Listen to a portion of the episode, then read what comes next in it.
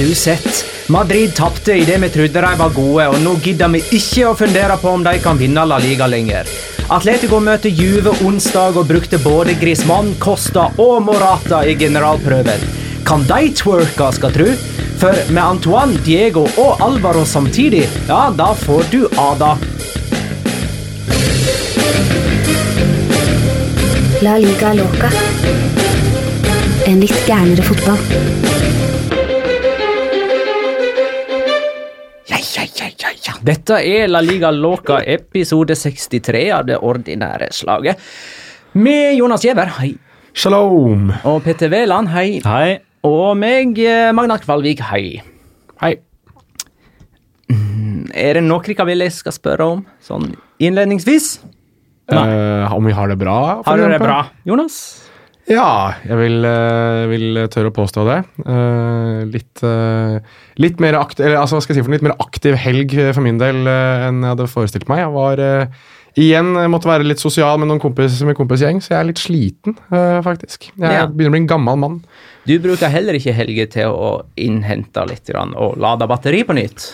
Jo, jeg gjør jo for så vidt det, men eh, det, det er eh, at når kveldinga begynner å nærme seg, at jeg finner på at de batteriene skal utlades på ny. Så det er Man må eh, bruke det man har lada, ja. Ja, men, men igjen, veldig mange Det kommer jeg ikke på alle navnene, men veldig mange hyggelige mennesker som igjen kommer og hilser og sier at de hører på podkasten, og at de har blitt kjempeglad i spansk fotball pga. oss. Glemmer du alle navnene fordi at det er ingen? Nei, jeg glemmer dem fordi at jeg er såpass berusa på slutten av kvelden at jeg ikke husker dem. Jeg tror, jeg, Nå kommer jeg til å drite meg ut, men jeg vet at det er to på treningssenteret mitt. Manuel og Mari. Så der har du to, som jeg husker. Manuel veldig stor Depor-fan. Så vi sto og snakka lenge om Deportivo la Coronia. Nei, det er ikke Pablo til etternavnet navn. Nei, det, det tror jeg ikke.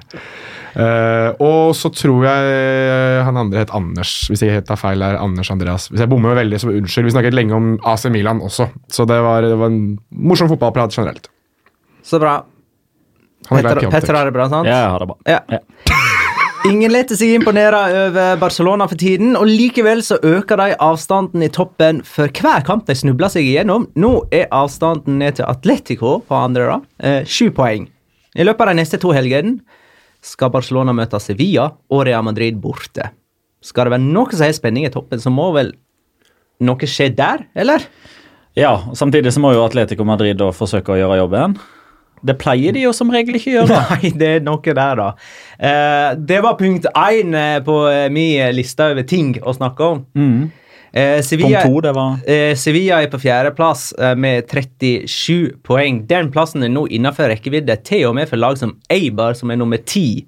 Bare seks poeng bak. Ja, og Eibar er jo òg eh, involvert i nedrykksstriden. Ja, men det er faktisk lenger ned. Ja, ett poeng mer. Ja, er, er ikke det Er ikke det 36, 30 og 23? Skal vi se. Eibar har 31, har 31, og 31. Villarreal har 23. Ja, Så er det 28, da. Ja. Sju Hæ? En til. Hadde Sevilla 38?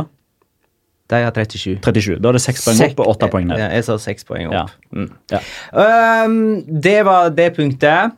Og hvis det er jevnt om fjerdeplassen, eller fra fjerdeplass og ned, hva så med 19.-plass og opp? Woho. Mhm. eh, og dessuten, forrige uke så eh, var spanjolene ganske sterke i Europa. Det kan bli eh, vesentlig tøffere denne veka, i alle fall for Atletico. Det, jo, altså det blir jo fiasko der, for Atletico eller Juventus ryker ut i åttedelsfinale. Ja, fiasko for en av favorittene Ja, ja, altså det er fiasko for begge to, det. Stigning for Atletico, da. Ja, for så vidt. Ulempen er jo at da kommer de jo ikke inn i Europaligaen og kan prøve å vinne den. Nei, men altså, er det stigning for eh, Atletico å ryke ut av åttedelsfinale etter å ha vunnet Europaligaen? Det, nei, stigning eh, Etter at, I turneringen. De Ja, røk ut i gruppespillet for sesong. Men totalt sett i ja, Europa, nettopp. eventyret Derav. Men Ja. nå kan de jo ikke komme inn i Europaligaen og vinne den. Greit, det. Det er jo en monster failure i tillegg òg, fordi finalen spilles på Wanda Metropolitano. Så Det det er jo det som er eh, hvis du skal, Hvorfor det er fra Casa Total, er jo hvis, hvis de ikke får spille den finalen på hjemmebane. Før vi går sånn skikkelig i gang på den runden som var, så er det mange som lurer på eh, om det er, sier noe om kvaliteten eller mangel på kvaliteten i La Liga, det som skjer i toppen nå, når Real Madrid har tapt sju kamper i La Liga og likevel er ni poeng over femteplassen. Altså at eh, de og Atletico, og Barcelona for den del, avgir uvanlig mye poeng, men er likevel trygt innenfor eh, topp fire. Eh, hva, skal man, hva sier dere om det? Jeg tenker det er vanskelig å, eh, å komme med noen form for konklusjon der. Eh, det er jo veldig Altså jeg føler I stedet for å bare se på resultatene innad i én liga, så syns jeg av og til det er litt morsomt å sammenligne med hva som skjer i de andre topp fem-ligaene, som vi så populært kaller de for. Eh, og Jeg hadde tallene tidligere i, i dag, men av diverse årsaker så har jeg ikke PC-en med meg. Men det eneste som stikker seg ut i denne sammenhengen her, og sammenhengen er hvor mange tap nummer tre, lag nummer tre, altså Real Madrid, Lyon, Tottenham, Borussia Mönchengladbach og Inter har gått på. Det er noenlunde det samme. Det er innenfor en uh, intervall 5-7. Mm. Eh, ja. Gladbach har fem tap, eh, og Tottenham har seks. Lyon har fem, Inter har seks. ja, og Real Madrid har sju. Ja. Det eneste som stikker seg ut, det er om man tar poengsnittet til nummer tre. Mm. Uh, jeg mener å huske at det var um, Lyon som hadde det laveste snittet. Jeg tror det var 1,84. eller sånt. Real Madrid har 1,875. Eh, Inter har litt høyere enn det igjen, og sammen med Borussia Mönchengladbach. Det som skiller seg ut her, er poengsnittet til Tottenham, som er oppe på 2,2 eller noe sånt. 2,2, 2,3. Det er 60 poeng etter 26 kamper. Det er det eneste som skiller seg ut om man sammenligner tre av lagene. Mm. Eh, og det som er eh, Kall det eh, litt sånn oppsiktsvekkende her, eh, og årsaken til at spørsmålet stilles, er jo at Real Madrid spiller nesten ikke uavgjort. Det er enten eller. Enten så vinner de, eller så taper de. Og det at de har sju tap Sier det noe som helst? Ja, det sier at Real Madrid har tapt sju kamper, men de har jo da tapt sju kamper mot noen i den samme ligaen. og da er det et styrketegn at andre lag nå klarer å slå Real Madrid? Eller er det et svakhetstegn at Real Madrid ikke klarer å slå de andre lagene? For min del så blir det liksom to sider av samme sak. Og jeg skjønner ikke at den ene kan veie tyngre enn den andre, med mindre det er en tendens over lang tid. Og Derfor syns jeg dette er litt interessant. For, det, for en måneds tid tilbake eller noe sånt, så brakte jo jeg opp dette her, at jeg gjerne eh, i en bonuspod, eller hvis vi hadde lite å snakke om til vanlig, kunne ta en diskusjon på det der om at for noen år tilbake igjen, så var det noen som var Da var det steile fronter på om La Liga var svak eller dårlig, fordi de hadde to, nå tre lag som er suverene. Er det bra for en liga at du har to-tre damplokomotiv som vinner nesten alle kampene, der uavgjort er å regne som tap?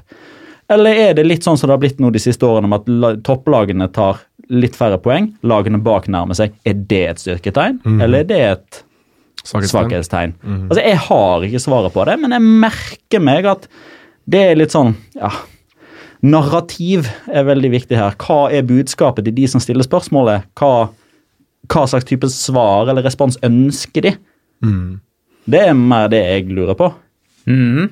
Fordi det er Ja, Real Madrid har tapt sju av eh, 24 kamper. Det er høyt til til mye dyr å være. Kan man da si noe om nivået på, på ligaen? På samme måte Altså, Real Madrid har tapt tre av sju kamper de har spilt i Europa denne sesongen, men allikevel er de videre i Champions League.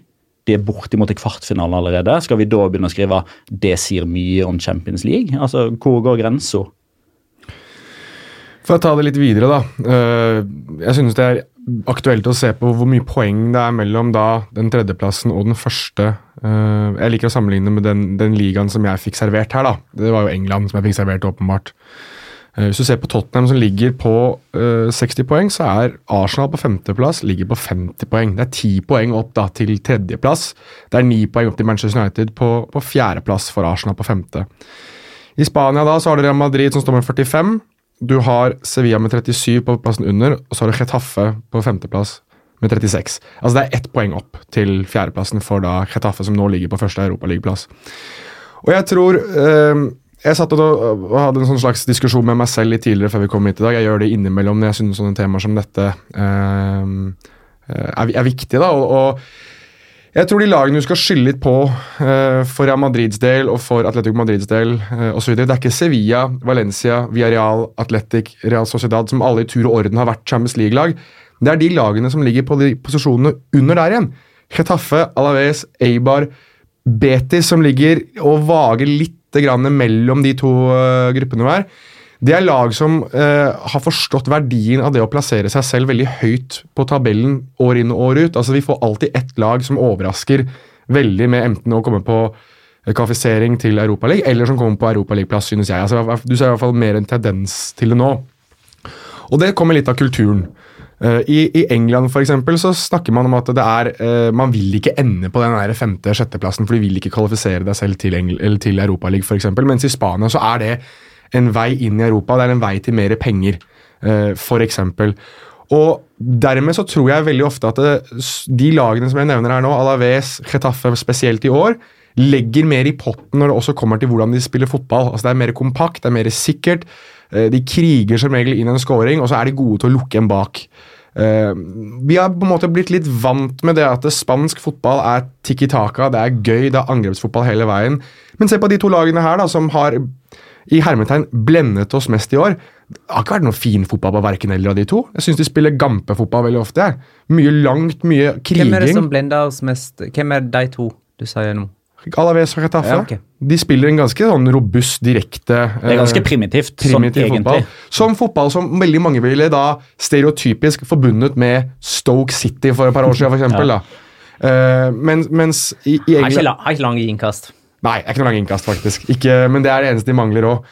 Eh, men, men, det er igjen et, et, resultat, en refleksjon av det at disse lagene har forstått nødvendigheten av det å prøve å overprestere, da. Prøve å ha den ene sesongen hvor de kanskje kan få inn litt penger, da, hvor de kan uh, være med og kjempe om de posisjonene istedenfor å ligge nede og kave uh, og være et sånn jojo-lag opp og ned i divisjoner. Fordi i Spania, dette vet vi alle sammen, når det kommer til TV-avtaler Du får ikke en, en, milliard norske kroner eller 100 millioner euro for rykkene i Spania. Du gjør ikke det.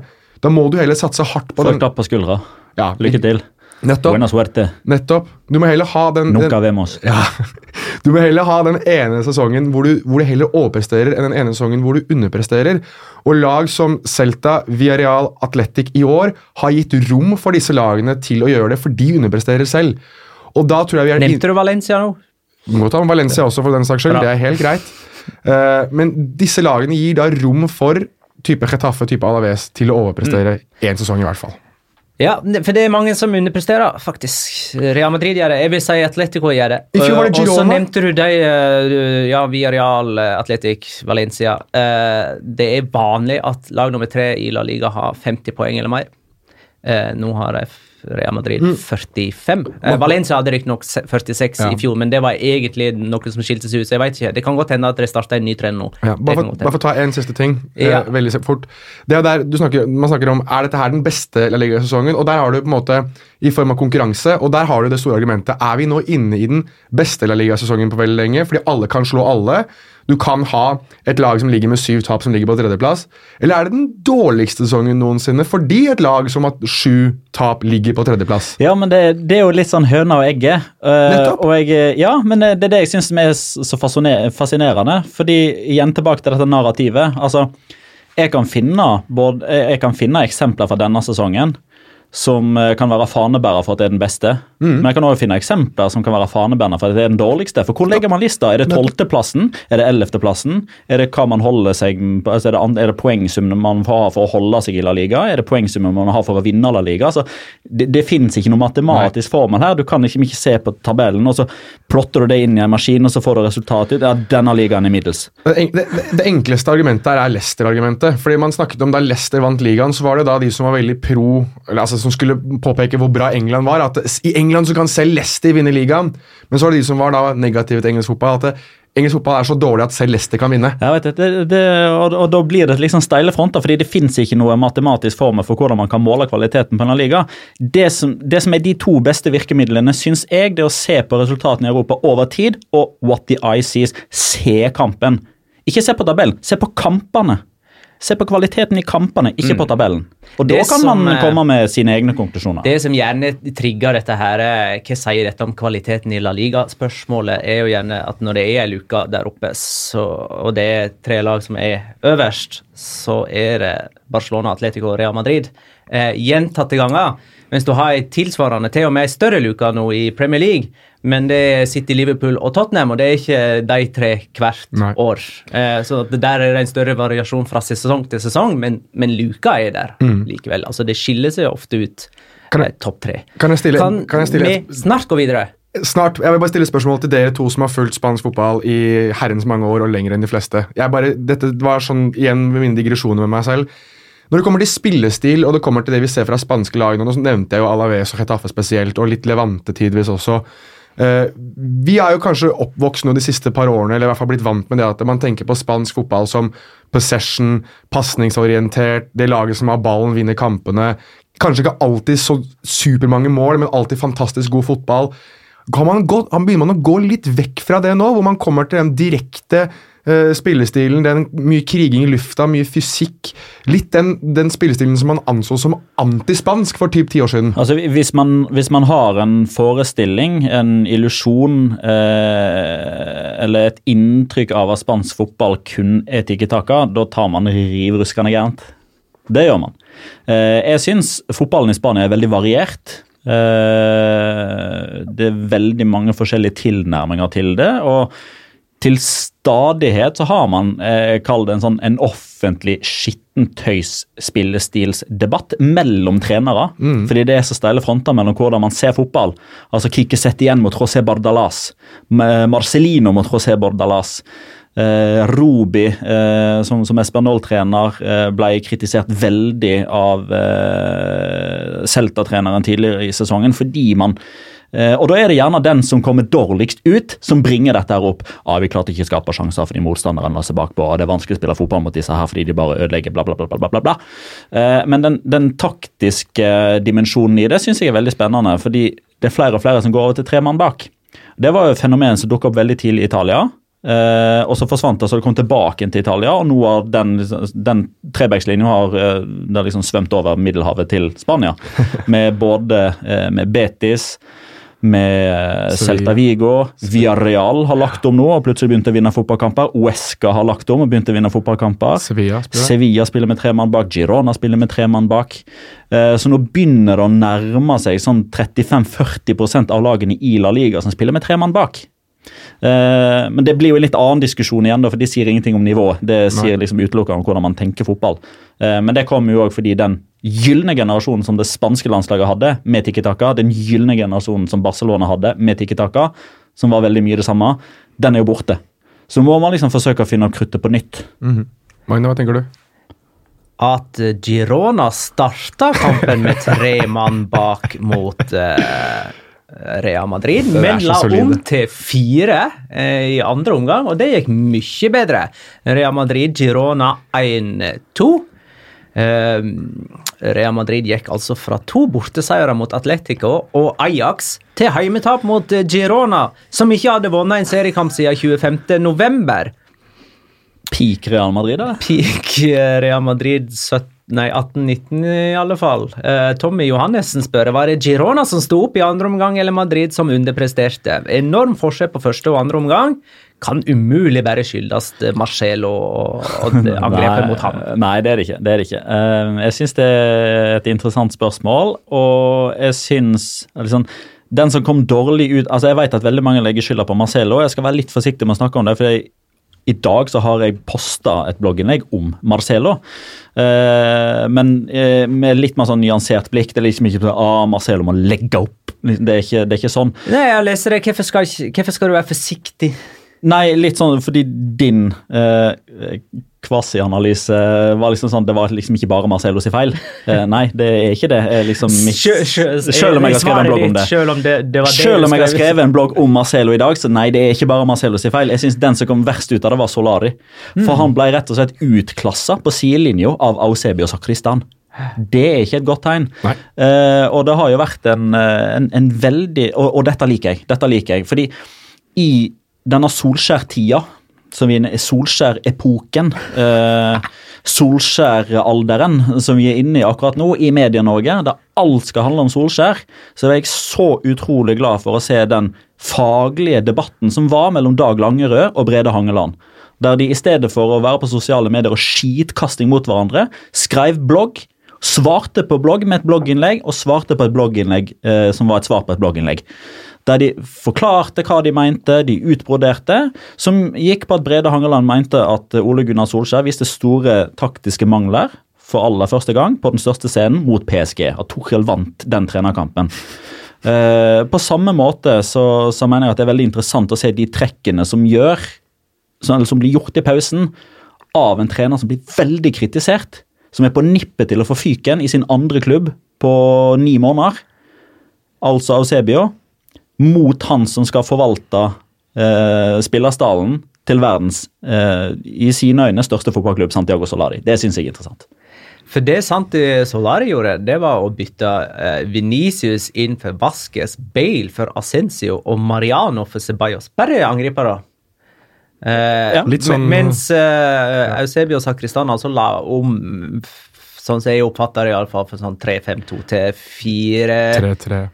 4-3-3. Ja, jeg syns det var en ganske ja, Bytta side på Porto. for å ja, få litt til sånn å ta... 4-1-4-1-type med, med, mm. med, de to offensive ja. midtbanespillerne som på en måte bidro veldig med Ja, Inn med Antony Lozano og, og, og Aleix Garcia ja. i pausen, og gjorde det, det, jo da det, det første trekket. Det var en helt ny kamp. Det er en helt ny kamp, og det klarte ikke Real Madrid å svare på, annet enn altså Jeg syns, jeg syns ikke, jeg syns ikke vi nødvendigvis skal være kritisk til hvem som kom inn, og, for hvem de kom, eh, og, og hvem de kom inn for. For jeg syns det er ganske logiske bytter når man trenger skåringer. Ja. Hiv inn på Venicius, hiv inn på Bale, hiv inn på Mariano. men for å sitere Tom Nordli, det ble en pose nonstop. Det var ikke noe plan bak. Det var liksom bare, ok, Hva for noen tre spillere har jeg på benken som har skåret flest mål tidligere? Ok, dere tre skal inn. Jeg mener det var 1-0 fortsatt til Real Madrid når han gjorde det. Når Venicius kom inn, ja. For Vaskes. Ja. Ja, det, er, altså, altså, det, virker jo bare som la han få litt spilletid, la han hvile. altså Sånne type trekk, da. Det er jo to bytter her. da, Det er de to byttene som, som Sakristan gjør i pausen, som egentlig endrer hele kampbildet, i, i den grad at uh, når, når Aleix Garcia og, og, Lozano kommer inn, så nummer én så har du i større grad, uh, mener jeg, i hvert fall litt mer hva heter det for noe, ballsikkerhet sentralt i banen med, med Garcia. Men det aller viktigste er jo det at Lozano trykker uh, Odriozola langt bak i banen. Odriozola kan jo ikke gå høyt, fordi da er det muligheter for at du slipper Lozano, og Lozano er, uh, han er farlig på sida når han først kommer i gang.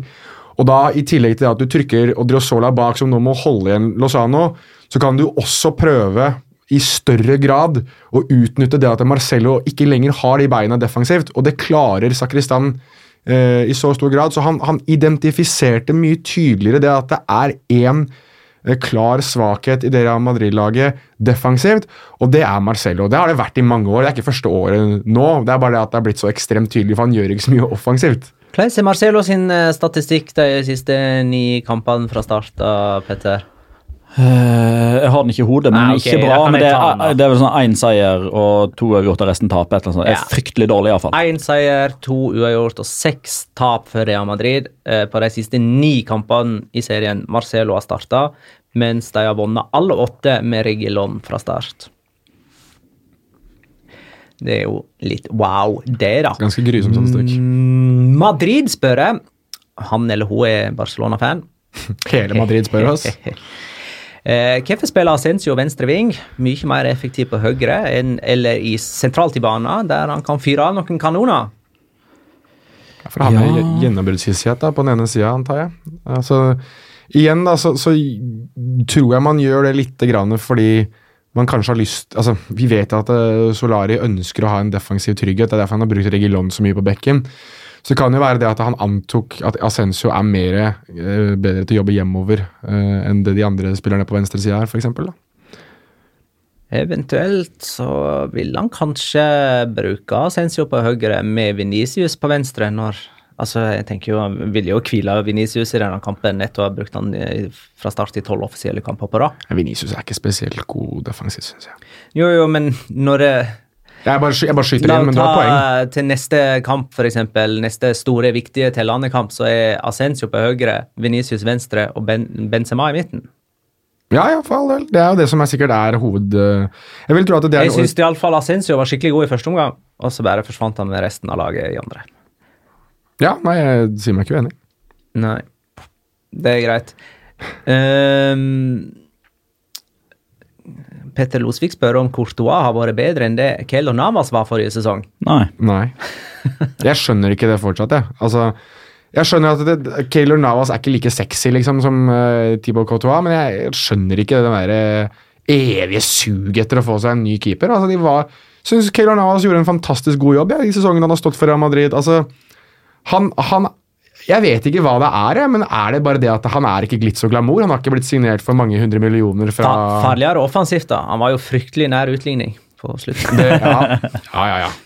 Mm, Courtois i luftrommet der. Men jeg synes det jeg synes det er veldig Altså når vi, Den dagen Keylor Navas legger opp, så lurer jeg på om vi kommer til å se tilbake på karrieren hans som en av de mest undervurderte keeperne uh, de siste 10-15-20, alt ettersom når vi ser på det, da. Men eh, han er en sånn keeper som jeg bare synes Han har aldri fått den kreden han egentlig har fortjent. da. Altså jeg, har ikke sett, jeg ikke, skjønner ikke hvorfor Real Madrid jaget De Gea. Jeg skjønner ikke hvorfor de har jaget Courtois. Jeg skjønner ikke hvorfor de har uh, jaget Kepa. Jeg, jeg har aldri egentlig helt forstått det. fordi de har hatt Storspilt i Copa del eh, Clásico, han har, Navas. han har jo storspilt i sesong på sesong òg. De vant tre Champions League-trofeer med Nei, jo. Jo, Ja, tre strake, men hva var ikke han med på fire? på si fire. Jo da. Eh, nei, så det virker jo nesten sånn at eh, altså, grunnen til at de var ute etter en keeper, var vel mer eh, Det kan hende at det er helt feil, men det virker som at den manglende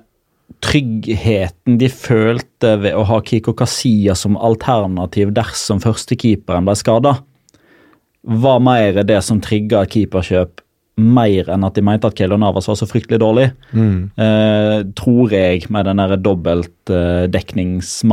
som alle de store klubbene har fått, og som sikkert er med rette òg, fordi skade og karantene det, det kommer med jevne mellomrom. og de har jo vært ute med skade, både Navas og Courtois. De overlapper jo hverandre, så der var de jo heldige. Og så gikk Kiko Kasia til Leeds. Eh, så det, altså Først og fremst så har jo Real Madrid et luksusproblem, men jeg syns det fortsatt er litt sånn rart at Courtois blir valgt foran hele tida. Med unntak av at uh, Kelo Navas blir avspist med Copa del Rey. Uh, og, og der òg Jeg hører at veldig mange snakker om at keepere trenger selvtillit, og keepere trenger å stå mange kamper på rad, men akkurat i tilfellet Navas Courtois så etterlyser jeg litt mer sånn spill med den som er i best form. Hvis Courtois er ute, eller han sitter på benken, da, så hjelper det kanskje han til å kvikke av huet og liksom få mental uh, pushing da, på at dette holder ikke. Mer enn at man blir sånn bekvem om at ja, ja, jeg slo to returer som endte med scoring, men det var jo tross alt redninger, og jeg får jo spille neste kamp uansett. Ikke godt nok. Er ikke det godt nok, Kenneth? Ikke godt nok, Kenneth. Bendik Diesen eh, skriver Icardi pluss Inter virker ikke å være så sant lenger. Dere snakka før sesongen om at han kunne være en grei erstatter for CR7. Mm. Eh, det sa ikke jeg. Jeg sa Cristiano Ronaldo, sa jeg nå. Det står CR7. Nå bare la seg rett av. eh, kanskje pga. Tegnmangel? Jeg vet ikke. Ehm, Inter burde jo heller selge til Madrid enn f.eks. Juventus. Altså, driver er, er, Har de følere ute på dette, eh, Real De, de følger nok med. Men de er jo det. konsekvent eh, overbevist om at Benzema er verdens beste nomini. Ja, men til slutt, til syvende og sist, en eller annen gang, så blir jo han For gammel. 40, vet ja, det verste, er, Han kan jo nesten det. Men du må jo ha dobbel dekning, vet du! Mariano holder ikke. Ut med Mariano Hei, inne i Cardi. Cardiff. hei, hei, hei, hei. Nå rekker vi Jeg oss så på deg, ja. Ja, vi jekker oss veldig ned her nå. Mariano er Guds gave til fotballen. Nei, men for å være Fotballen har bare ikke skjønt det ennå. ikke sant? Nei, men altså eh, når, jeg, når jeg ser den der Mauro Icardi-suppa nå, som foregår i, i Inter, det er jo Han er blitt mista, han mista kapteinsbindet og nekta å spille, og det er liksom Det er mye, det er mye gjøgleri der, for å si det sånn. Det er Så mange han som krangler ikke- med søstera si på Twitter òg. Ja, for søstera er jo ikke noe glad i hun Wanda Nara, som er, han, som er kona. Men, og og Wanda Nara Nara satt og grein på TV og sa at da Mauri Cardi mista kapteinspinnet, var det som hadde kutta det ene beinet hans. Altså, Det er så mye drama Men det er vel nettopp uh, pga. hun der at uh, storklubber er forsiktige med å eh, tilnærme seg Icardi, ikke det? Altså, det er én klubb, tre bokstaver, som jeg tenker med, med Mauro Icardi. Lyn. PSG. Ja, det hadde vært enda morsommere, faktisk. PSG det er det eneste klubben jeg kan forestille meg at det rører Mauro Icardi. Altså, for der har du Altså så mye penger og så mye Altså, det er bare Ja, De trenger kanskje litt sånn PR òg? Ja, og så så all PR er god PR. Strengt tatt, og Edinson Cavani blir ikke noe yngre, så det kan jo fort være at det er den som gir mest mening. Men Real Madrid altså Kan du forestille deg de møtene mellom Florentino Perez og Wanda Nara? Fy faen, og jeg har lyst til å være flue på veggen mellom de to. Herregud, jeg hadde- jeg hadde betalt mye penger for det. Da forlater vi uh, det temaet on a high, uh, og så snakker vi straks om Atleticos møte med Juventus. Rayo Vallecano Atletico uh, 0-1. Ja. Kjempemål av Antoine Griezmann. Eh, det, var, det var ikke det, altså. Med målgivende av Morata, den må han få. Ja, det, ja, hvorfor skal ikke han få den? Eh, og Grismannen jubla til den der veggen. altså, En gang i tiden så var det populært, og så datt det ut. Nå er det litt tilbake. Jeg klarer Ja, i hvert fall folk skal ja, juble til, altså, til veggen. Griezmann er jo altså, jeg, jeg er fortsatt ikke altså, jeg, er ikke inn, jeg er ikke inne i dette Fortnite-greiene. Mhm. Så disse bevegelsene han som står liksom en L i panna og hopper dingler med beina som en sånn der uh, Titten Tai-figur. Jeg vet ikke om det er kult. Jeg har ikke noe standpunkt for det. Men da han spilte for Real Sociedad, da gikk jo han i bresjen for sånne kule feiringer. Altså Han kasta seg i den snøfonna som var bak. Når han satte seg inn i den bilen bak og Satt og satt, tuta, satt og tuta og fikk passasjerer i baksetet. og alt sånt. Det var jo kjempekult. Så sånn, generelt så er jo Griezmann en kjempefeirer. ja. Jo, for så vidt. Han er jo, han er jo en trendsetter. eh, Men er han en kjempefeier? For det var det jeg hørte at du sa nå, faktisk. Han Jeg sa kjempefei. Ja, jeg veit. Ja, Men jeg hørte feier. Ja. Det var mye morsommere. Eh, Jon T. Johansson sier Kaosbamsen er tilbake, og det betyr Grismann på venstre kant. Ja. Men er det den beste måten å stable Atleti-angrepet på? Eh, betyr det altså Grismann på venstre kant? Det gjorde jo det. Ja, Mot Rayo. for det at Morata Altså, det, Morata og Diego Diego Costa. Costa. kom jo inn og spilte en halvtime sammen med Antoine Griezmann og Alvaro Morata. Ja. Ada. Ada. Ada. Eh, og da var Morata på høyre og Griezmann på Jeg så ikke den kampen. Fikk ikke sett han. Antoine, det var Griezmann på høyre, venstre og Morata på høyre og Diego Costa i midten. Nei, de hadde 4-4-2. Oi, altså han var i midtbaneleddet, liksom? Ja, men det, men det blir jo Du har jo Skeiv. Filipe Louise bak. Ja, den, Ja. Den, er, den er jo skeiv. Og Diego Simione fikk jo spørsmål. Altså, eh, Er Morata og eh, Diego Costa kompatible? Kan de spille med hverandre, eller er det eh, typ pluss og minus når den ene må inn, så må den andre ut? Eh, og Da mente han jo at eh, til enhver tid så spiller vi med det laget som eh, gir oss størst sjanse for å spille mål, eller skåre mål ut ifra motstander og kampbilde osv. Allerede ved første korsvei, ved første mulighet, så dunker han jo inn Kosta og lar Morata være på banen. Men det var jo på 0-0 når de trengte skåring. Spørsmålet er jo hva som skjer hvis de leder 1-0. Da tipper jeg det kommer sånn typisk posisjonsbytte med Morata ut og Costa inn, eventuelt Costa inn og Morata ut. eh, Eller Morata inn og Costa ut, avhengig av hvem som starter. Og så er jeg litt spent på om det svekker Atletico Madrid på noen måte. fordi Antoine Griezmann har vært fantastisk de siste to-tre månedene i to spann med både Costa, Kalinic og eh, Morata. Eh, starta jo for så vidt bra nå, da, med at han trekker jo inn fra sin utgangsposisjon ute til venstre, kommer seg inn i boksen og skårer mål, men eh, Spørs litt hvordan man ser på det, da. Hvis man tenker at man har Grismann som venstre kant framfor LeMar, så kommer man jo fryktelig godt ut av det. Men hvis man får en dårligere utgave av Grismann og en Costa og Morata som går litt i veien for hverandre? Nei, det, jeg er spent på å se hvordan det der er i fortsettelsen. Jeg har vanskeligere for å, å se for meg Juventus ryke ut av Champions League enn Atletico. Eh, Hvordan er det med dere? Enig. Jeg er enig i det. Så- Kanskje en større fiasko for Juventus hvis det skjer etter Ja, dette det- ja. nesten milliardkjøpet av Cristiano Ronaldo. Ja, og hvis man ser på hvordan altså, Dette her er jo egentlig to Champions League altså kanonlag, om vi ser på de siste fem sesongene. Eh, Fordi Atletico Madrid har vært i to finaler, to kvartfinaler og så rykket ut i gruppespillet.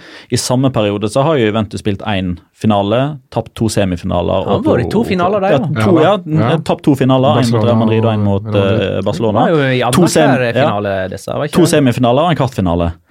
Uh, så, så Juventus går liksom Det er jo alltid i kvartfinalen. og så Hvis de ryker ut år én post hent Cristiano, Ja.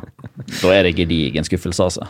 Større enn det vil være for Atletico Madrid, som tross alt fortsatt er en ny klubb i europeisk toppsammenheng. Ja. Juventus for meg er litt, grann har begynt å bli litt som Tyskland i VM og EM. De er alltid med ganske lenge. Altså, du kan nesten allerede garantere at de minst spiller kvartfinale i Champions League hver Du kan garantere sånn. at de spiller kvartfinale i Champions League hvert år, at de vinner serier, og at de henter en fyr på Bossmann i januar som kommer i juli. Ja, nå har de hentet Aaron Ramsey, Eh, nei, men jeg, jeg, jeg er veldig enig i det dere sier. og Juventus er jo også vel et av de få lagene som fortsatt er ubeseira i ligaspill. De har vel ikke tapt en eneste kamp? Har ikke de 21 seier og, og sånt noe? Tre, Men de tapte vel i Coppa Italia? Ja, nå sa jeg ligaspill. Ja, det vet jeg. Ja, altså, Tapte jo mot Manchester United Ja. i Champions League. Ja da. Så det, det er ikke uslagbare. Nei, det er jo ikke det. Eh, men jeg tror eh, Nei, Juventus, Summen av Juventus nå, da, og sånn som Juventus har eh, De kampene jeg har sett dem har, fremstilt seg, så ser de mye hvassere ut i egentlig alt de foretar seg. Jeg synes Unnskyld å si det, altså, men igjen Atletico Madrid altså Det er sånn at du holder på å sovne innimellom. Det er så kjedelig fotball som de spiller. Det går jo det er ingenting som skjer innimellom. Jeg satt der sammen med Magnus Bernstrøm, venn av podkasten, som Altså, vi satt og så på hverandre og sa altså er, Har vi noe Red Bull eller noe sånt? Er det mulig å våkne opp? For at det her er dørge ned kjedelig.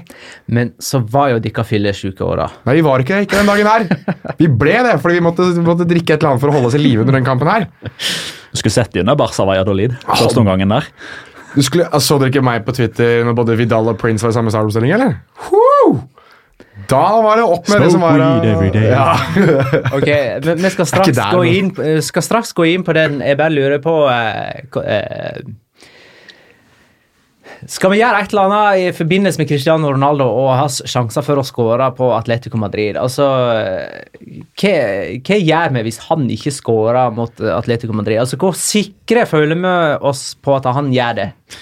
Altså, Det hadde jo vært typisk, da. Det er mer sånn det, det er typisk mer enn at han skårer i hver kamp mot Atletico Madrid. Eh, Nei, for men det altså, gjør han ikke. En gang i løpet av disse 180 Du tenker på sånn som han skårer mot Manchester United når han møter dem type òg, da. Ja, og så er det det, er erkerivalen til hans gamle klubb. Det er første gangen han kommer tilbake til Spania i sportslig sammenheng. Han har vært tilbake igjen og akseptert en betinga fengselsdom og betalt litt. Valencia. Spilte med Valencia også. Ja, Altså, men og ble altså, utvist. Altså, Så det skjer alltid et eller annet. Han herja jo med det i han hadde, En sesong så hadde han hat trick både hjemme og borte i liga og eh, Champions League. Mot, eh, Ja, Han skåret alle mål når de vant 3-0 på Bernabeu og gikk Ja. videre med 4-2 sammenlagt. Ja, og så I samme sesong så skåra han også på Vicente Calderón tre stykker Ja. i ligaen. Altså Men han skårer jo ikke, han har aldri skåret på Wanda Metropolitano. nei, det er greit. Én kamp, null mål. Skandale. Det er skandale. Nei, men det er greit. Vi kan gå videre til Barcelona Valladolid, eh, der Messi skåra på straffe. Han bomma òg, for øvrig. Skjøt begge til favorittsida si. Hva skjedde egentlig med den der hoppstraffen hans? Husker dere hva han- Hvilken kamp var det? Var det mot Sevilla eller noe i Copa del Rey? Han hadde en sånn straffe der han eh, hadde lite hopp på slutten. Var det han? Ja, Var det han? Jeg tror ikke det var han han. hadde et hopp. Det er du helt sikker på. Jeg, jeg kan ikke huske at han hoppa. Ta og Rams opp de siste heimekampene til Barcelona nå, i, eh, i serie, dette her, altså. Gi meg to sekunder, så skal jeg dra opp alle sammen for deg. De slo, slo ikke de Leganes 3-1? Var ikke det da han skåra på straffe? Og Eller var det eh, Valencia? Valencia var det. 2-2-kampen. Da skåra Ja, på straffe ja, rett før pause. Ja, had, Da hadde han da? et lite hopp, sånn som har blitt så populært. Sånn som Erling Ja. Braut Haaland gjør. Ja, ja, Bruno Soriano gjør det hele tida. Jorginho gjør det det, også. det er ikke liksom bare det der stoppet i tilløpet, men uh, den siste standfoten Altså, man, ja, før man setter standfoten, så har man der. Skal jeg kjøre highlightsen her mens jeg prater med dem? Mens jeg prøver å finne alle Det, det har han tydeligvis gått vekk ifra. Det, det lykkes han med i den Valencia-kampen. Det har han tydeligvis gått vekk ifra. Nå er det bare sånn tradisjonell straffe i favoritthjørnet. To ganger. Ja. Den ene ble nesten redda, den andre ble redda. Men uansett, da. Han har 30 mål på totalt denne sesongen, for ellevte sesong på rad. Ja, det er ikke særlig hopp, det, det straffa, men jeg ser hva du skal fram til. Han, Det er nok til at Neto Ja, er begynner å, å bare bli sittende på huk til det slutt. er det. Det er riktig. Um, Så det er den du skal fram til, i hvert fall. Det jeg vil si om Barcelona Valladolid, er at uh, Prins spilte. Og um, Pass på hva du sier nå. 100% Jesus skriver til oss. Ble, ble Boateng, altså prins, henta for å være backup til Suárez, eller var det omvendt? Det var omvendt, vet du. Det var omvendt. Før Suárez kom inn på Det er fyr, det, dette er første dytt av Luis Suárez ut av Barcelona. ja, med prins Boateng. Ja. Ah, det var to tafatte spisser som spilte denne kampen for eh, Barcelona. Ja, var det. Men det virker jo som at altså. Luis Suárez kom, det så ut som at han ikke hadde varma opp eller noe som helst. Han var helt iskald. Men. Strøm i begge føtter og ah. trist for Boateng, da, som var med under hele oppvarminga og fortsatt så ut som han ikke hadde varma opp. Nei, jeg eh, Altså, det som, det som var mest fascinerende med den kampen her, synes jeg, var jo hvor mye sjanser Barcelona faktisk skapte, og hvor lite de fikk ut av dem. ja, etter pause.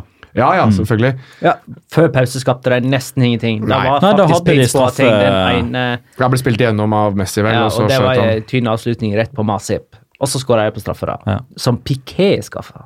Ja da. Nei, men det er greit. Eh, Gaute Brandser spør hva syns dere om kontraktsforlengelsen til Valverde. Eh, for det skjedde Det ble vel offentlig på fredag? Fredag formiddag, ja. ja. Eller fredag morgen. Ja. Og det skapte jo det Furore. furore, mer eller mindre. Twitter gikk heit. Ja. Hva er greia? Nei, Greia er jo at uh, de aller fleste Barcelona-supportere eh, har blitt vant til noe som de ikke lenger får. Um, de får seirer. De har Messi. Eh, de har noen store overganger i ny og ne. De har mange ligatrofeer. Eh, de får en Champions League-seier i ny og ne, men de har ikke den Litt tilbake til det vi snakka om, den tikki taka-fotballen. Den fotballen som gjør at eh, veldig mange andre fotballsupportere som heier på andre lag, velger å sette seg ned og se Barcelona rett og slett fordi de har lyst til å bli skikkelig underholdt. Eh, veldig mange mener at Barcelona fortsatt burde ha vært sånn. At eh, de har både økonomiske muskler og talenter og spillere nok til å kunne være sånn per dags dato, men at Valverde ikke får det fram. Og at Valverde sin fotballfilosofi ikke samsvarer med supporternes ønske om å briljere.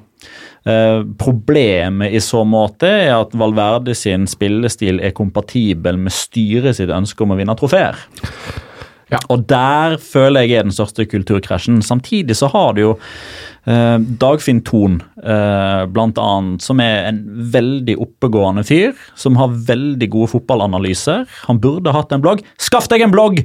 Men han holder seg til Twitter foreløpig og lange sånne eh, svar på egen Renser. tweet. som eh, Som er kvalitativt eh, Tråd, top notch. tror vi En tråd. på SoMe-språket. Ja, eh, som kvalitativt er til fingerspissene meget bra, og han har et poeng der som det er litt vanskelig å være uenig eller kunne si imot, og det er at når Sport, AS, Mundo Deportivo og alle disse her skal komme med sine liksom eksklusive eh, inside på hvorfor Barcelona valgte å forlenge med Valverde, så er et av punktene som går igjen hos alle, det at de største profilene i Barcelona-garderoben ville at han skulle fortsette.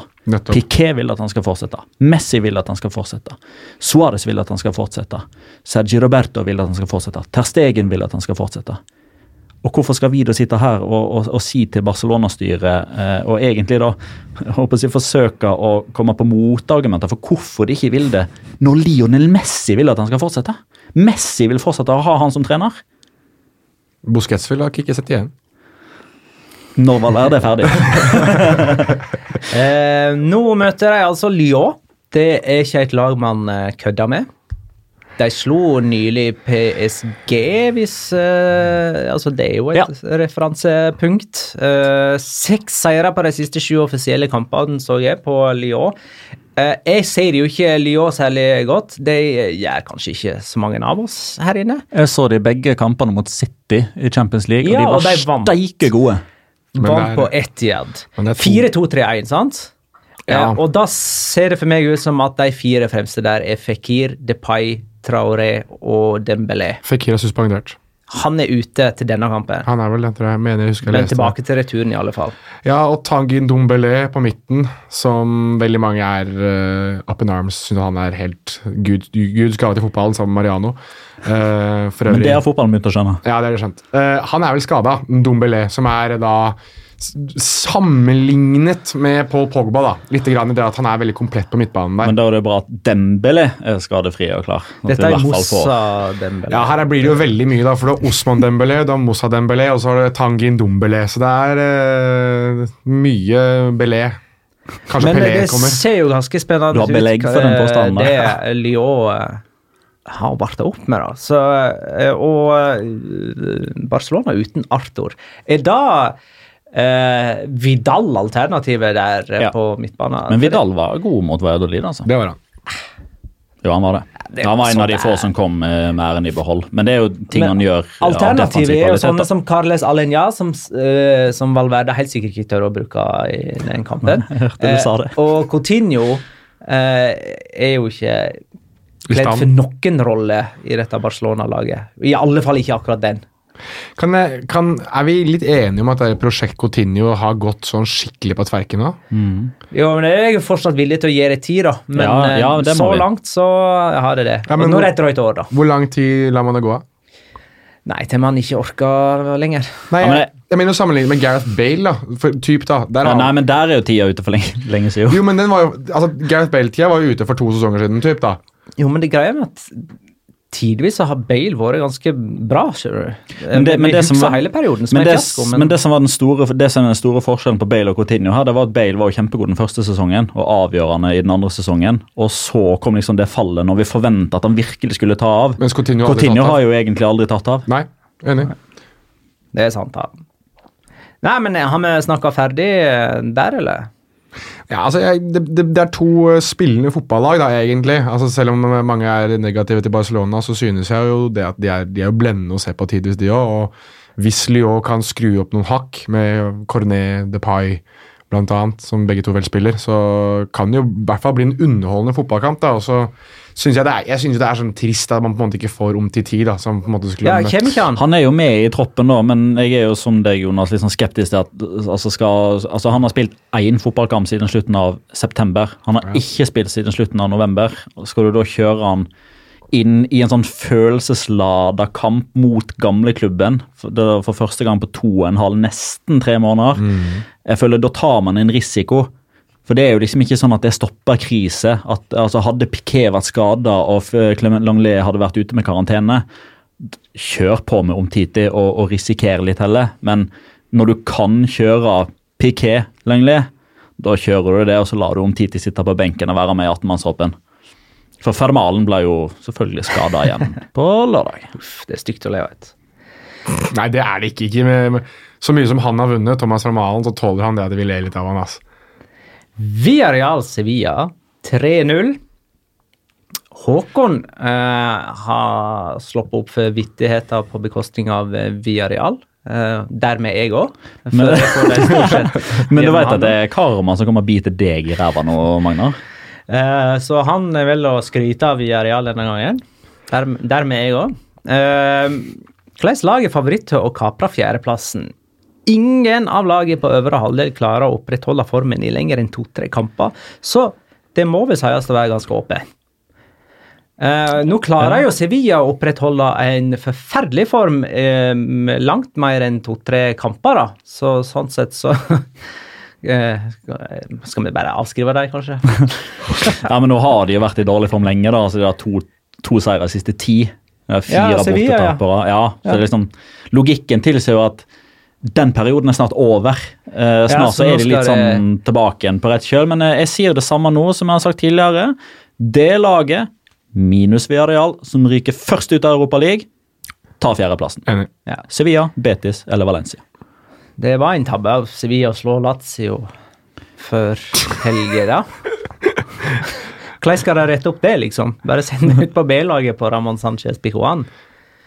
Ti seriekamper på rad uten seier for Villarreal eh, før denne kampen her. Den rekka stoppa jo nå, da. eh, det var deres lengste rekka i dette årtusen. Jeg føler ikke vi har svara ferdig på spørsmålet, egentlig. Jeg gikk litt fort videre nå. Hva var spørsmålet? Nei, Det nei jeg, jeg, har, jeg, har ikke noe konkret svar, for jeg vet ikke hvem som ryker ut først. Akkurat nå Nei, ok, du mener det. Akkurat nå så er det jo Betis, da, for de har det dårlig utgangspunktet av de tre. Nei, for, for jeg har lyst til å lansere Real Sociedad som en kandidat der akkurat nå. Artig. Artig. Eh, Så nå har jeg svara på det spørsmålet. For meg er de eh, de store favorittene fordi at framfor dem så er lag som Alaves, eh, Getafe. Betis er vel kanskje framfor òg, men de er jo sluttkjørt i serie. Altså, de, de har jo ikke energi i helgene lenger. Og Betis er akkurat Ja, men det er typ Hvis de ryker ut av Europa League, så får de jo den Ja. energien igjen. Helt klart. Så for, min, Eh, så for min del, det laget som ryker først ut av Europa League av Betis, Valencia, Sevilla Hvis eh, to eller tre lag ryker ut samtidig, så er det det laget som har flest cornerer til nå. Hæ, er det det? Cazorla var involvert i Altså, den skjønte jeg, den skjønte jeg helt. Var, det- var Altså, For å kunne ha et konkret svar som gir noe uten å være konkret altså Man kan gå tilbake til dette tidspunktet her til enhver tid for å finne ut hva for et lag jeg tror tar fjerdeplassen. Ja, okay. Så hvis Betis, la oss si at både Betis, Sevilla og Valencia ryker ut av kvartfinalen, Ja. så da har jeg jo per definisjon helgardert meg.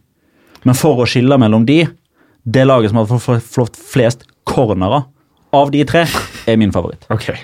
Jeg veit for øvrig ikke hvem det er. Nei. Casorla har ifølge Oppda vært involvert i åtte mål. Tre skåringer og fem målgivende. Det er flest av alle i Villarreal. ikke det litt moro? Det er veldig moro. Ja. Da smiler vi. Da smiler ikke han. Uh, det kan jo virke som at uh, Calleja har fått noe i gang her. La om til tre mann bak. Det var det som skulle til. Åpenbart. For nå er det flere lag der nede i sumpa, inkludert via da, som ser ut til å ha noe på gang. Med eh, sånne som Ja, Girona slo jo eh, eh, Real Madrid. Ja, men det var et veldig skille her. OSK har jo vunnet nå når denne podkasten kommer ut, mot Atletic. ja. Men det, Eh. men det var et veldig skille her i serierunden, egentlig. For hvis du, hvis du tok lørdagens resultater, så var det favorittseier i alle. Eller i hvert fall det laget som var øverst på tabellen, slo det laget som var nederst på tabellen eh, i de kampene. Ja, ja, ja. Eh, og da åpenbarte det jo sånn Ok, dette her er liksom store, store muligheten for eh, Villarreal og, og for Girona når søndagen kom. Og Det var jo kanskje de to lagene som hadde dårligst forutsetninger, fordi de møtte Real Madrid og Sevilla og hadde ti kamper bra uten seier, begge to. Men så var det de som vant. Og det er bare en, en ny sånn, eh, et nytt kapittel i hvor fucked up La Liga 18-19 er. Mm. Hvor jævlig det er, eller hvor bra det er. Alt ettersom hvordan du ønsker Alt å etter definere sånn. det. Alt etter hva som passer narrativet. Hvis vi går eh, videre til resten av runden, da. Valencia i spanjol 0-0. Her sto det mellom uavgjort og uavgjort, og det ble uavgjort.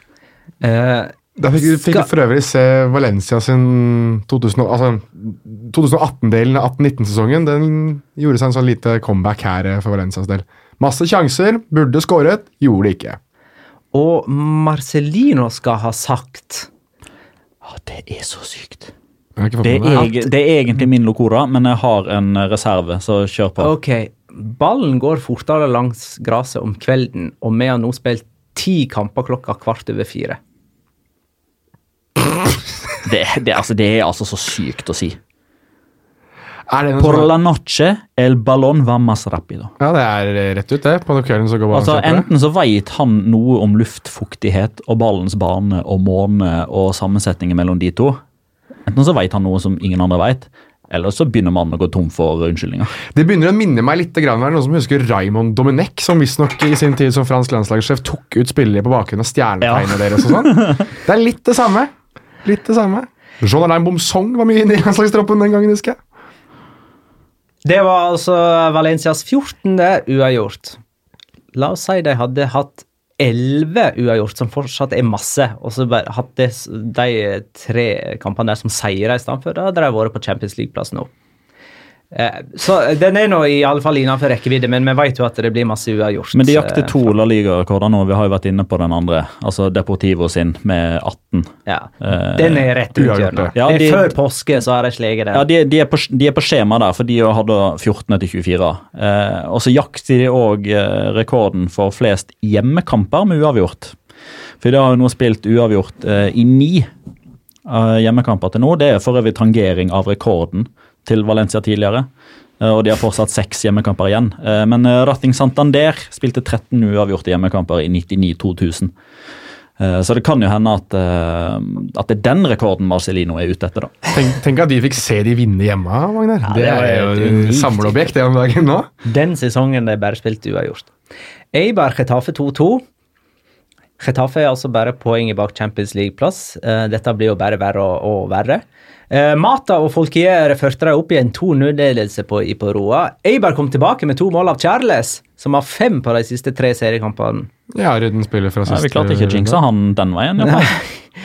Eh, og hadde altså Chetafe unngått disse to klønete baklengsmålene sine, så hadde de vært på fjerdeplass nå. Celta Vigo Levante 1-4. Der veit jeg ikke helt hvordan jeg skal begynne. Eh, Det er jo Bare gi ordet, bare gi ordet til Jonas, du, så er det meste gjort. Sju tap på de siste åtte seriekampene for eh, Celta Vigo. Eh, det sier for øvrig litt om Sevilla, siden de tapte mot Celta Vigo i den ene kampen de sjøl ikke tapte. Eh, det er det dårligste laget i 2019. De ligger på bunnen av 2019-tabellen. Det er jo bare å begrave de greiene der. Iago Aspas klarer det jo seg egentlig ikke uten. Uh, han uh, Har slått opp skaden sin. Ja, men, skaden ja, men nettopp, det der, nettopp det der viser hvor des, hva slags desperat situasjon Celta Vigo er i. Hvis de hadde vært nummer 12, 10, 8 Han hadde aldri i verden vært i kamptroppen!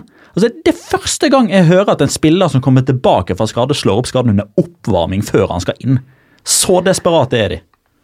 Jeg har hørt eh, Jeg husker Owen Hargreaves i sin tid i Manchester United. Han teller ikke. kom, kom, var skada etter de første fire minuttene. eller noe sånt. Altså. Thomas Fermalen er jo skadefri i forhold.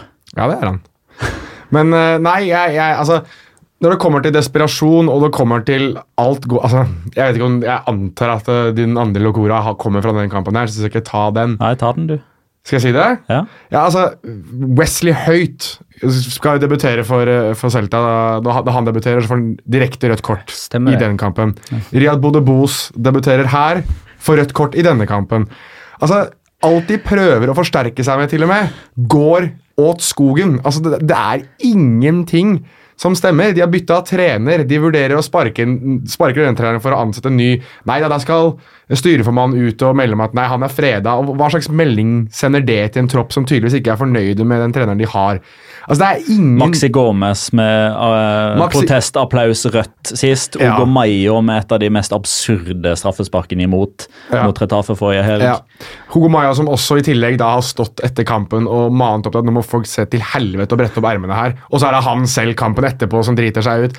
Altså, Jeg har aldri noensinne Jeg fikk litt kritikk for det sist gang, men jeg tar det igjen. Det her er Murphys law. altså Alt sammen går som kan gå til helvete, går til helvete i Celta.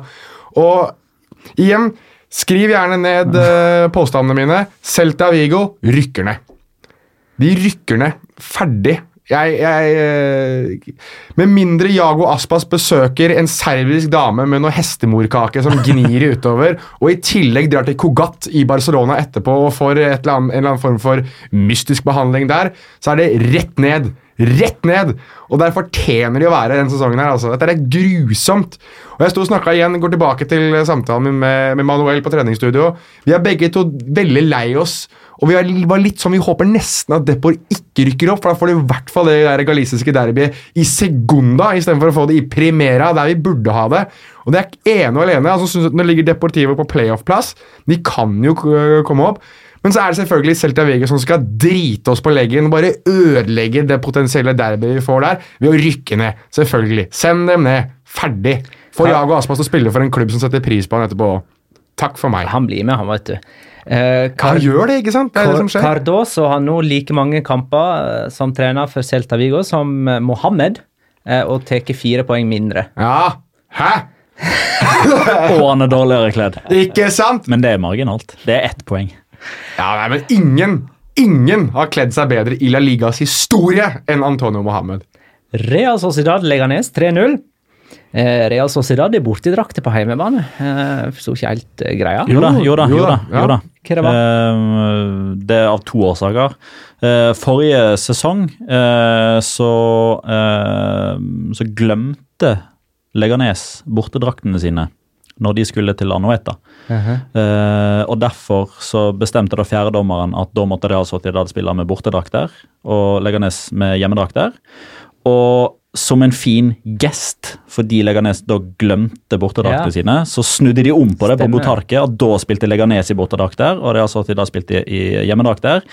Eh, og den kampen som var nå på søndag, nei lørdag, var den 100. kampen til Leganes i La Liga-historien deres. Ah. Og fordi det har vært mye vennskap mellom de, altså Asiya Gaditano var Leganes-trener forrige sesong og eh, var Real Sociedad-trener denne sesongen. José Basaldoa var på lån forrige sesong. Så er forholdet mellom de såpass bra at Real Sociedad tok initiativ til at vær så god, spill med hjemmekamper, eller hjemmedrakter denne sesongen òg. Men bommer du ikke litt grann der? Var ikke det noe Chai Prieto-hyllest også, hvor de fikk lov til å bruke Jo, det var da. Jo, det var jo i returkampen Ja, nettopp. Ja. Var det det. Var det, det på, skulle, på Botarque. ja, for det var Chabi Jeg, ja, eh, jeg husker ikke den Prieto-hyllesten, men det kom jo da som en konsekvens Ja. av at de hadde gjort det motsatt i første. Ja. Det var jo da, Da hvor de- Prieto på emblemet sitt bytta ut emblemet med bilde av Prieto i en kamp. Og Jarzabal skåra to. Han er ganske god. Uh, William José han eh, har blitt god igjen etter uh, Alguacil sin inntreden. Eh, SKQ spør hvor lenge får eh, Real Sociedad gå ubeseira i 2019? Eh, for de er vel eneste ubeseira lag i 2019? Sånn. Ja, har, Altså, Barcelona har jo tapt, men kanskje ikke i serien? Nei, de har vel bare spilt uavgjort. De har ikke tapt i serien, de. Så sånn totalt sett, da. Ja. Så er Real Sociedad det eneste ubeseira laget. Eh, og eh, jo, for å svare på det spørsmålet Dette har jeg funnet ut av. Mm. Eh, jula varer helt til påske for Real Sociedad. For de møter nå Girona borte, der taper de ikke. Atletico hjemme, der taper de ikke. Sevilla borte, der taper de ikke. Levante hjemme, der taper de ikke. Valladolid borte, der taper de ikke. Betis det er hjemme, der taper de ikke. Celta Vigo borte, taper ikke. Eibar hjemme, taper ikke. Barcelona borte 21. april. Eller den helgen, i alle fall 21. april. Og da er det påske. Du må jo da skrive at din påstand her nå er at Nei, men dette husker vi. Du tar feil. Real Betis Hvor mye- hvor mye har Alaves. Josso betalt deg for å Jossi blir sikkert furtna nå fordi at eh, Fordi jeg bare jinxer. ting. Ja, ser man det. Jeg har jo påført flere Jeg har jo påført Sangali hjerneslag og Mikkel Merino et rødt kort. Mm. Kanskje skal begynne å få høre oss med Oyer Fano, for han er mer positiv uansett. Rea Betis Alaves 1-1. Betis hadde en formidabel opphenting eh, i renn torsdag. Og virker ganske sluttkjørte når eh, La Liga-søndagen eh, kommer.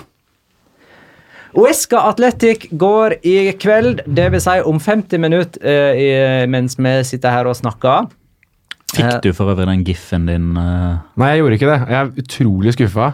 Uh, Matheo Laos sto jo med pekefingeren opp i ansiktet på Eisa Mendy og uh, ga god gamle Matheo Laos pekefingeren. Altså, han sto oppi ansiktet på Eisa Mendy, jeg har ennå ikke fått den du, Men hvis så, du veit hvordan du lager gif Jeg vet ikke. Nei, ikke jeg. Det er derfor jeg sier at hvis det er eh, noen som har lyst til å hjelpe oss i det 48. minutt Ja, men eh, vi, vi har jo kampen, men uh, kan òg gjerne bare sende oss en link til en bruksanvisning til hvordan man lager gif. Det kan du for så vidt også gjøre. Kan jeg, At La Liga Loca Pod. Kan, jeg, kan jeg ta bare en kjapp nyhetsgreie som ikke vi har tatt her nå? Ja. Bare gratulere Eduardo Berizzo. Ny jobb. Han er paraguayansk landslagssjef. Oi, kult. Og Copa America. Så han skal nå lede, lede Paraguay i Copa America. Eh, de eh, sa jo opp, eh, eller ble enige med tidligere trener Juan Carlos Osorio, som jeg tror kommer til å være La Liga-trener om et par år, han også. Colombian, Celta, kanskje? for, for eksempel. Eh, Colombiansk eh, suksesstrener. God med, det som husker Mexico fra VM, eksempel. Han var trener der. Um, men Berizzo igjen, da. I, tilbake i manesjen, bare da på et annet kontinent. Han er jo en venn av podden, så det, han må vi oppdatere. Han er en venn av podden. Gutta, vi har enda ikke tippa. Det må vi gjøre. Eh, Jeg tenker jo at Sevilla-Barcelona er objektet. Eh, Mm, kan det har protester? Nei. Det blir Sevilla andre runde på rad. Eh, Sevilla tapte 3-0 hjemme mot Villarreal. Ingen av oss hadde hjemmeseier. Jeg og Petter hadde uavgjort. Petter med Iborra som første målskårer. Null poeng på Petter, som har 14. Jeg hadde Bakka som første målskårer. Null poeng på meg, jeg har 12. Jonas hadde borteseier, 0-2. Benjedde som første målskårer. Starta på benken nå. Eh, du står med åtte poeng, så hva skjer i Men, Sevilla-Barcelona? Hvor mange runder bare har vi med null i kolonna på alle mann nå? Nei, det er ganske tror det mange er tre nå. eller fire på Ganske raden. mange. Det er forferdelig svakt nivå. Det er jo gutter. derfor La Liga 2018-2019 er den beste sesongen, for vi Den- klarer jo ikke å forutse noe som helst. Den er fucka opp. Um, Sevilla, Barcelona ender 2-2. Og kampens første mål blir skåra av Wissam Ben Yedder.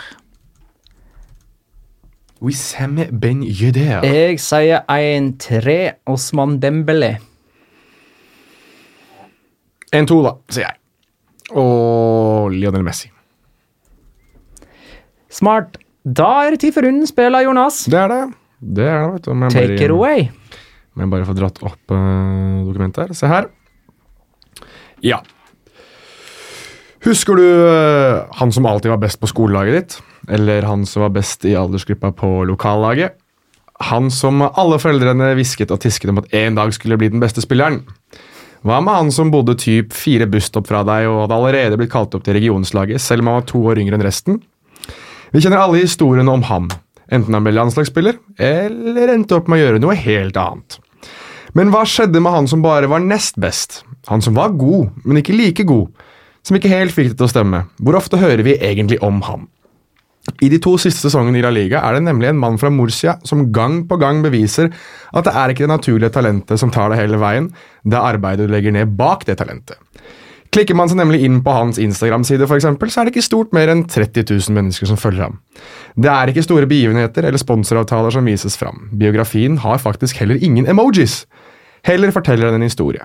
Jeg spiller i Girona, jeg har vært i Valencia Mestalla og Albacete. I Valencia ble det nemlig bare én sjanse i La Liga, men over 100 kamper for, for andre laget. I Albacete ble det spill i Segunda Divisjon før de rykket ned. Altså nummer to. Men så er historien om et naturlig talent og den som jobber og sliter eh, for alt det han får. I Girona ble det nemlig både opprykk og en eventyrlig debutsesong med 11 skåringer. Men fortsatt var han bare nummer to, for Christian Stuani skåret jo 21. I denne podcasten er han ikke den første. Han er heller ikke den andre Girona-spilleren vi har rettet søkelyset mot. Han er faktisk den tredje. Men på Santiago Bernabeu viste han veien tid, at, veien tidvis kan være lang, den kan være vond, men visst faen er det det utrettelige arbeidet som vinner til slutt. Først slo han innlegget som til slutt endte med straffe og Stuanis utligning for den verste klubben fra Catalonia. Så tok han saken i egne hender. Lozanos skudd ble klasket unna Courtois, men en utrettelig arbeider var kjappere enn Madrids venstreback, som kanskje symboliserer dette naturlige talentet der arbeid ikke alltid står i hovedfokus. Et hodestøt, en feiring og tre poeng. En historisk seier for klubben. Tre viktige poeng i kampen mot nedrykk. Men ganske så sikkert så var Porto tilbake på treningsfeltet samme kveld. Fordi det harde arbeidet stopper aldri. Og for en mann som kanskje er vant med å være nummer to, vil den historiske seieren mot Real Madrid fort huskes for den timen der han, eh, der en av La Ligas toere i noen øyeblikk var ubestridt nummer én. Porto, altså. Cool. Pent, Jonas. Har du, har du Eh, blitt han i er- Portugal nå? Jeg vurderte veldig å kjøre noen Portugal-referanser og litt sånn As Armas uh, nasjonalsang og sånn, men jeg eh, sto over. Tenkte at vi skal ikke ødelegge noe mer enn Vi går ikke ned på det. Nei, vi driter i det. Nei. Da er det tid for Locora! Ukens La Liga Locura. Locura. Locura. Locura. La Liga Locura. Noen som har lyst til å begynne? Ja, jeg har lyst til å starte, for jeg mistenker at noen har den her! Så nå tar jeg den før dere. Ehm, jeg synes jo eh, en, en spiller som jeg har tenkt mye sånn på at jeg prøver å sammenligne med noen, er jo, er jo eh, Carl Toko Ekambi. Og eh, jeg synes jo at det, det virker mer og mer som Viareal har fått en sånn der Cedric Bakambu light, dårlig First Price-utgave. Eh, og det viser seg jo til stadighet. Nå skåret han jo riktignok i den kampen her, men det han klarer etter tolv minutter, viser jo litt hvor dårlig uh, han tidvis kan være. Fordi ikke bare nok med at han bommer uh, på et innlegg der han skal egentlig uh, treffe ballen på volley, han er jo helt, han er jo altfor sein. Man klarer da i tillegg å slå ballen mot mål med hånda si. Han gjør det nok ikke med vilje, men det er en F, der hånda hans er på vei ned og går nesten mot mål. og så får han gul kort, og ingen skjønner helt hvorfor. Og dommeren står liksom og Dommeren har en sånn derre Altså, er det mulig å gjøre det her, ansiktsuttrykk, da han får gult kort? Sånn Du, yeah. kom igjen, da, du spiller Liga-fotball. Du må jo i hvert fall treffe ballen med beinet. Han fikk gult kort for å være dårlig. Han fikk gult kort for å være dårlig.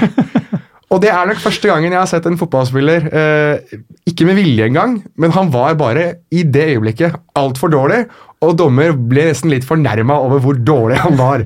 Så Carl Toko Kambi, gult kort tolv minutter der, altså.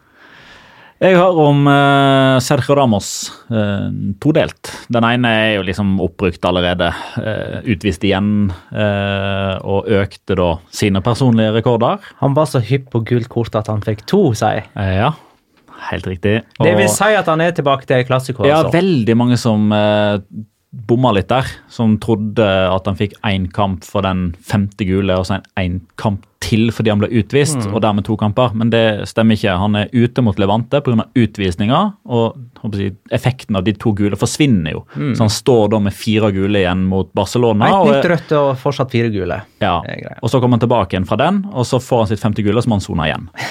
Eh, så 25 for Real Madrid, utvisninger. Det er jo ny eh, Altså forbedra rekord, holdt jeg på å si, og 20 i La Liga totalt. Men det folk kanskje ikke vet, det er hvor mange mål på rad Sergio Ramos har skåra på ett touch. Siden han skåra mot Dortmund i Champions League i jeg tror det var 2014. Var det på eh, Vestfallen? Nei, det var, på, det var i returoppgjøret, når de jakta. Ja, Oi, stemmer. oi, ja, de- de de- De røyk ut, ja. Ja. De okay. vant vel 2-0, men de tapte 4-1 i første kampen. Og Det var når Lewandowski eh, kødda med de første kampene. Da snakka vi ved 2013.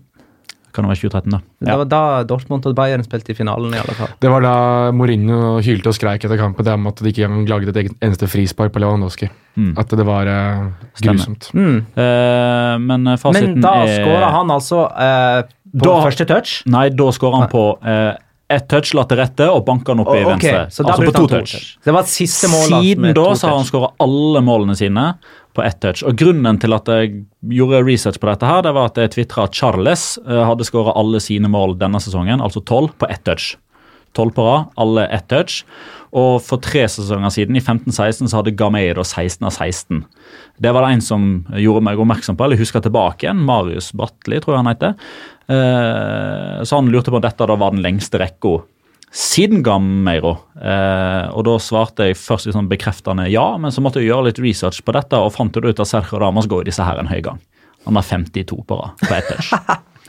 Og nå er jo da-. Og nå er jo 15 Ja, klubb og landslag. Og nå er jo da 15 av de på straffe.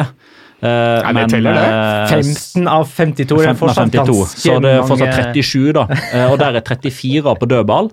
Altså, det er jo for så vidt Ja. Teller straff, Han, han banker de rette Ja, jeg teller straffen, ja. som, som, som dødball, ja? Nei, altså, nei, nei, nei, andre dødballer. Altså okay, innslåtte. Ja, ja det er, det er Der man har en målgivende eh, eller Ja. situasjon. Eh, og så har man eh, to eh, overganger, deriblant et brassespark eh, mot Apoel. Mm. Etter det så har alle dødballmål vært på huet. Eh, og så har han én skåring i etablert angrep på Lerkendal. Mot Sevilla i Uefa Supercup. Ja, han blir flytta fram og står på bakre stolpe og header inn 2-2 og sikrer ekstra Mm. Stemmer det. Så 52 Ramos-skåringer på eh, ett touch.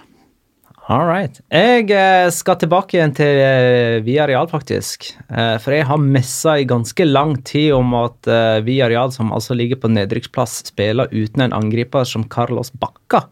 Han har sittet på benken i 16 av 24 oppgjør. Han har vært skada tre. Eh, og altså bare starta fem, inkludert dagens, eller helgens eh, kamp, som var hans første start i 2019, og da leverer han altså en himmels målgivende til Ekambi, som skårer, og deretter blir stående rett opp og ned som om han er fullstendig sjokkert og tenker hvem er det jeg spiller sammen med nå? Ble han kjøpt i januar eller et eller annet? Hvor kom han derifra? Eh, og etter det så er det egentlig bare å og Etter at dette er sagt, så er det jo egentlig bare å vise til YouTube og søke opp uh, denne rundens målgivende Men jeg- med hælen. Men men jeg tenkte litt sånn når Kambi sto i ro, så var det liksom sånn Shit. Jeg holdt på å ødelegge denne. Den har Ja, holdt på å gå i stolpen. si. For uh, han har åpent mål og uh, treffer Det er jo en dårlig avslutning. det. Sånn i forlengelsen av Jonas-teorien om at Så- han egentlig bare er Så, ræva. eh, sjokk er, er nøkkelen. Så eh, både det å få den målgivende pasningen der, og det å nesten bomme. Men, det er, men det, det er jo det som er litt gøy med, med Carlos Bacca, for han ser jo, som Petra og både jeg og Petra har poengtert, han ser ut som han har vondt ved hver eneste gang Altså hver eneste steg han tar, ser ut som det gjør vondt for han. Man gjør ting Runde keeper og hælflikker og det som altså, det, Jeg kommer jo aldri til å glemme den derre eh, Var det i finalen i Europaligaen da han måtte bæres av banen med skade? Ja, Men de hadde kan det stemme? ja, det kan stemme. Hvor, han- hvor, de måtte ut i straffesparkkonkurranse. Ja. Og de hadde ikke flere bytter igjen, og Carlos Bacca hadde blitt båret av banen. og så liksom... Ah, straffekonken, det var Benfica. Straffekonk, Ja, det var ja, Benfica. I hvert fall. Han ble båret av, de kunne ikke bytte han ut. Og han måtte ta en straffe til slutt. Og han liksom gikk litt sånn haltende opp for å ta straffen. Dunka han i krysset. Det bare sånn Hva er, hva er det? Det er sånn Carlos Bacca oppsummert. Altså, Carlos Bacca er jo fotballspillerens svar på den bilen som bare, når du åpner døra, så bare whoosh, Dette er alle delene av hverandre. Jeg Ja. forventer liksom at når noen kommer bort på Carlos Bacca, så bare Ja. dette alle kroppsdelene hver sin vei. Ja, helt enig. Vi får veldig mange spørsmål og innspill og, og sånn til disse her podkastene, og det syns jeg er stor stas. Så tusen hjertelig takk eh, til alle sammen som har sendt oss eh, innspill. Tusen takk for at du eh, lytta òg, kjære lytter. Hva du har å si, Jonas? Dette kan vi bli enige om på forhånd. Vurderinger og og ja. ratings i, I iTunes. Gjør det, gjør det, gjør det! Vi trenger mer! Og fortell alle naboene, vennene og kollegaene dine om podkasten. Og si hei til oss når du møter oss på byen! Meg, på- meg på byen. Sorry, meg på Når jeg møter Jonas på byen. Det er riktig. Du må gjerne si det til meg òg, men jeg Si, vet ikke si fra til fruen min hvis du treffer meg på byen. Tusen takk for at du lytta, kjære lytter. Ha det, da!